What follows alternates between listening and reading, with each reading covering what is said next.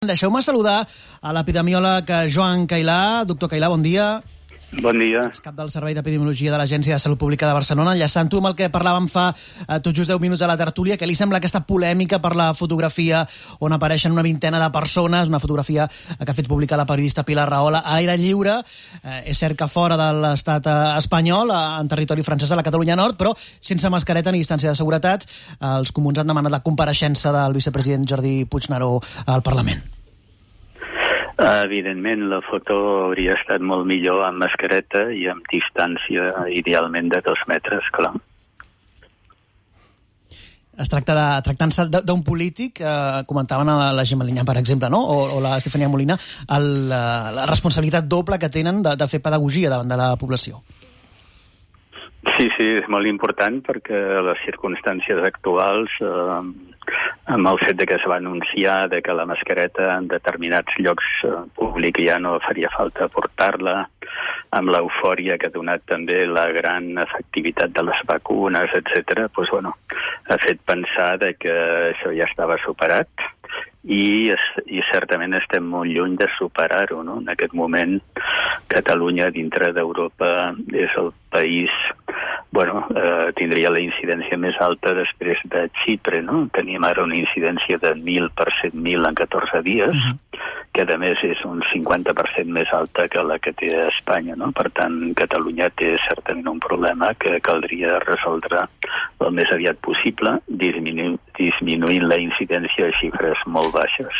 Eh, creu que s'hauria de rectificar, ara esmentava, eh, l'ús de la mascareta i el, el, una mica el desconcert que hi ha a l'opinió pública sobre o la sensació que dona de que el perill s'ha acabat, eh, caldria res, rectificar respecte a l'ús de la mascareta i tornar enrere? Evidentment, aviam, les xifres que ens donaven ahir mateix, i avui suposo que serà molt semblant a Catalunya, doncs, bueno, són certament preocupants. No? Hem de tenir en compte que tenim a, a hores d'ara doncs, més de 2.000 ingressats per la Covid, més de 500 a la UCI, i en la darrera setmana haurien mort per Covid més de 100 persones. No? Llavors que aquestes alçades es morin per una malaltia infecciosa 100 persones cada setmana, i això podrà augmentar en properes setmanes, doncs, bueno, certament és preocupant i ens hauria de ser de ser-nos molt més conscients del que ho som, no? del, del que ho som ara. Eh, tres de cada quatre ingressats a, a l'UCI no estan vacunats, és una dada molt preocupant. Eh, creu, doctor, que la vacunació hauria de ser obligatòria o, o si no obligatòria, que s'hauria de fer eh, la vida pràcticament impossible, com passa a França amb els no vacunats?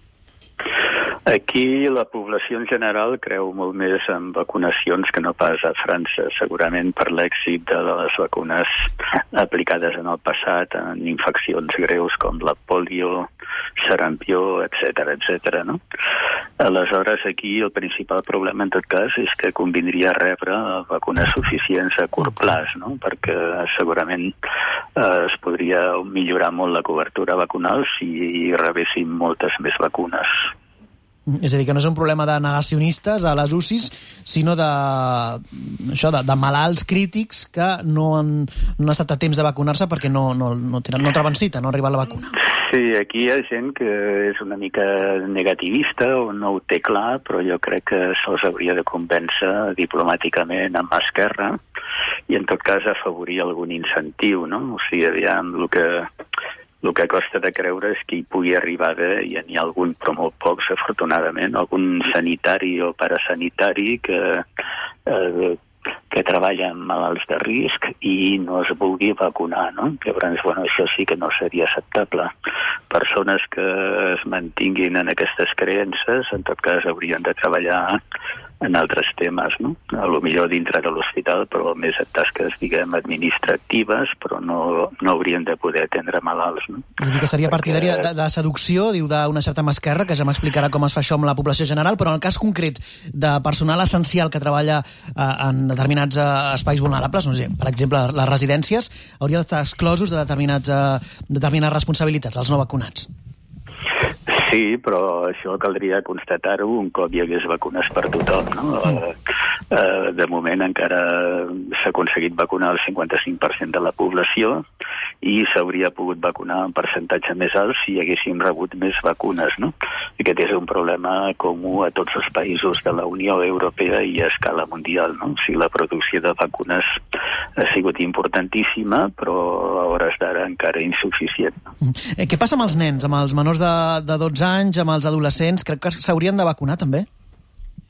Això caldrà anar-ho veient, no? però evidentment a dia d'avui el que és prioritari absolutament és acabar de vacunar la gent gran. No?